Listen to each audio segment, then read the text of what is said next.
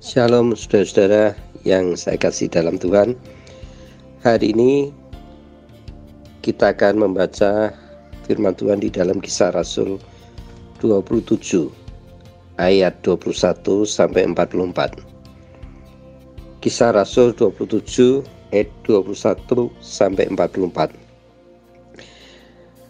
Saya akan memberikan ringkasan dari kebenaran firman Tuhan ini di dalam Alkitab yang kita baca ini eh, memberitahukan kepada kita mengenai Paulus saat berada di tengah-tengah badai yang sedang menerpa. Di mana telah 14 hari lamanya ia bersama orang-orang di kapal itu terombang-ambing dihantam gelombang. Mereka lapar, mereka mengalami kehausan, mereka basah kedinginan, dan mereka kaku juga di karena direndam air laut. Namun tampaknya semuanya itu belum berakhir. Gelombang itu terus menghantam buritan kapal sehingga hancur berantakan. Anda dapat melihat bahwa inilah situasi di mana segala sesuatu ketika semuanya kelihatan kacau dan berantakan. Pada saat Anda membuat sebuah keputusan, anda berharap keputusan itu akan membawa Anda menjadi lebih baik.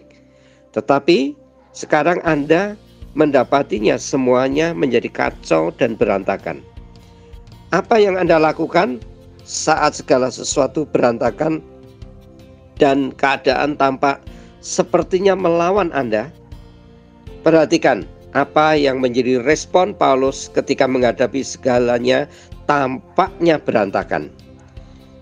Ia melakukan sesuatu yang luar biasa yang harus kita tahu hari ini, yaitu ia tetap tenang dan percaya.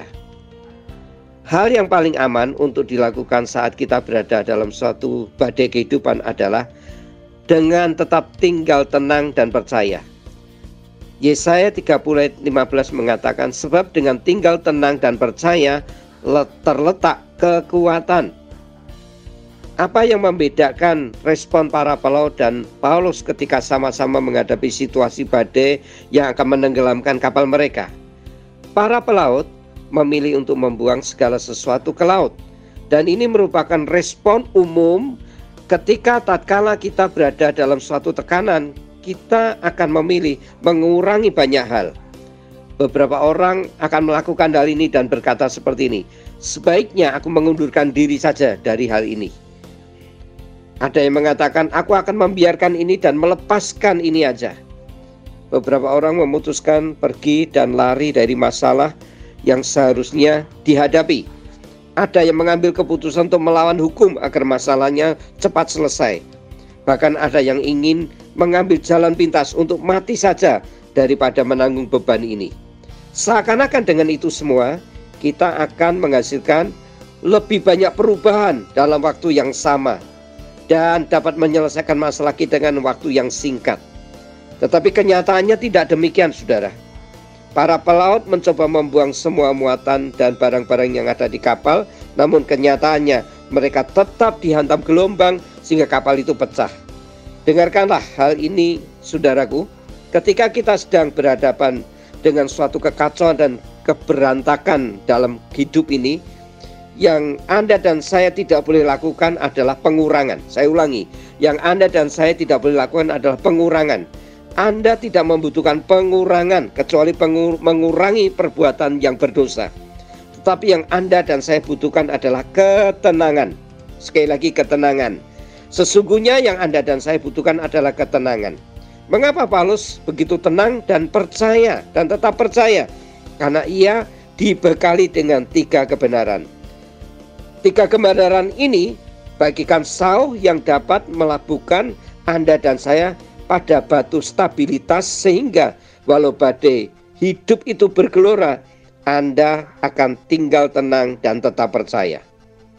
Kita membaca di dalam ayat 23 dikatakan seperti ini, karena tadi malam seorang malaikat dari Allah yaitu Allah yang aku sembah sebagai miliknya berdiri di sisiku. Kebenaran yang pertama yang harus ada dalam hidup kita ialah Allah itu selalu menyertai kita. Allah menyuruh utusan pribadinya untuk memberitahu Paulus, "Tetap tenang. Aku menyertaimu, Paulus. Aku melihatmu ketika engkau dalam badai laut dan aku bersamamu di kapal kecil itu." Kita belajar dari hal ini bahwa badai bisa merintangi jalan yang hendak kita lalui, namun badai tidak akan pernah dapat menyembunyikan wajah kita dari Allah. Kita mungkin tidak dapat melihat Dia ketika kekacauan itu sedang terjadi dalam hidup kita, tetapi Dia melihat kita. Mungkin kita merasa Dia ribuan mil jauhnya dengan kita, namun Dia beserta dengan kita dan mengamat-ngamati kita. Alkitab mencatat 365 kali Allah berkata, "Jangan takut, jangan takut." Dengan kata lain, tetap tenang.